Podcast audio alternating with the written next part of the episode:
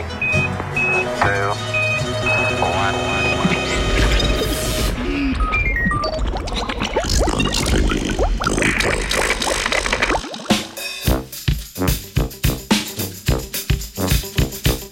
Iz votline v vrečo.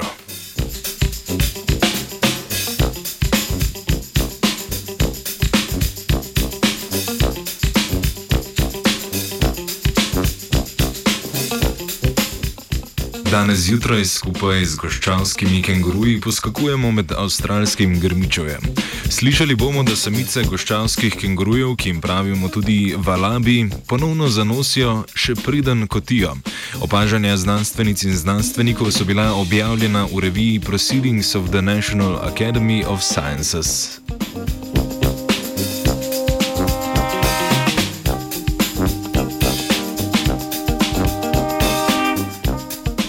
Sesalcih poteka razvoj zarodka nekako tako.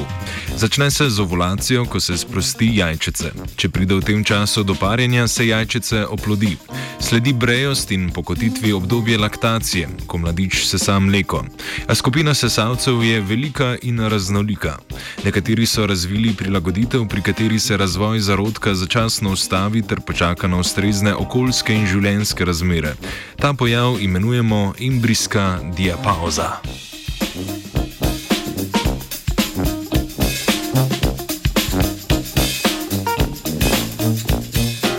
Pri nekaterih sesalcih, med drugimi tudi vrečarjih, najdemo dve popolnoma ločeni maternici.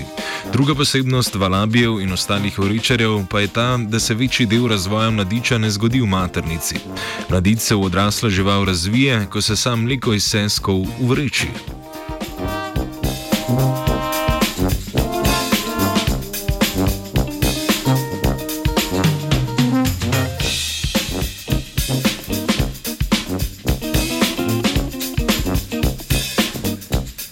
Pri nekaterih vrstah sesalcev mine med ovulacijo in kotitvijo zelo malo časa. Pretekla spremljanja valabijev so pokazala, da se samice parijo nekaj dni pred kotitvijo, ostali urečari pa po kotitvi.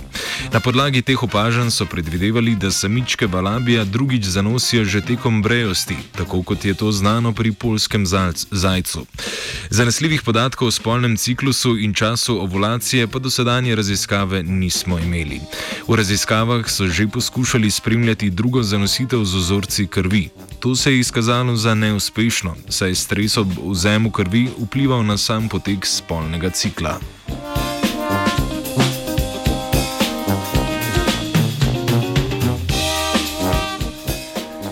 Mednarodna raziskovalna skupina je na 5 hektarjev velikem ograjenem območju naselila valabije, natančneje pa spremljala 10 samic.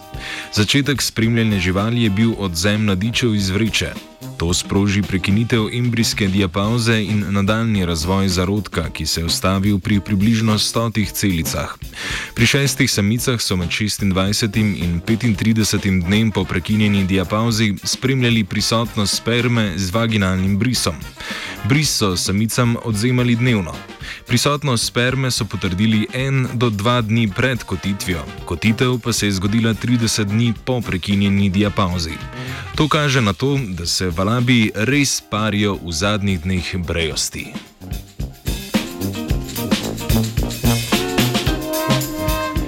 Pri štirih samičkah so s petimi ultrazvočnimi pregledi dokotitve spremljali dolžino zarodka.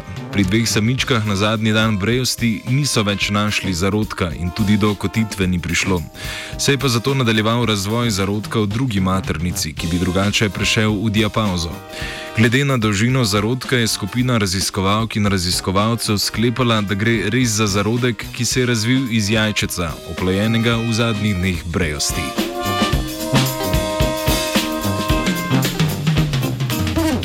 Samicam želi čim manj stresa v brejosti vajenka Klara.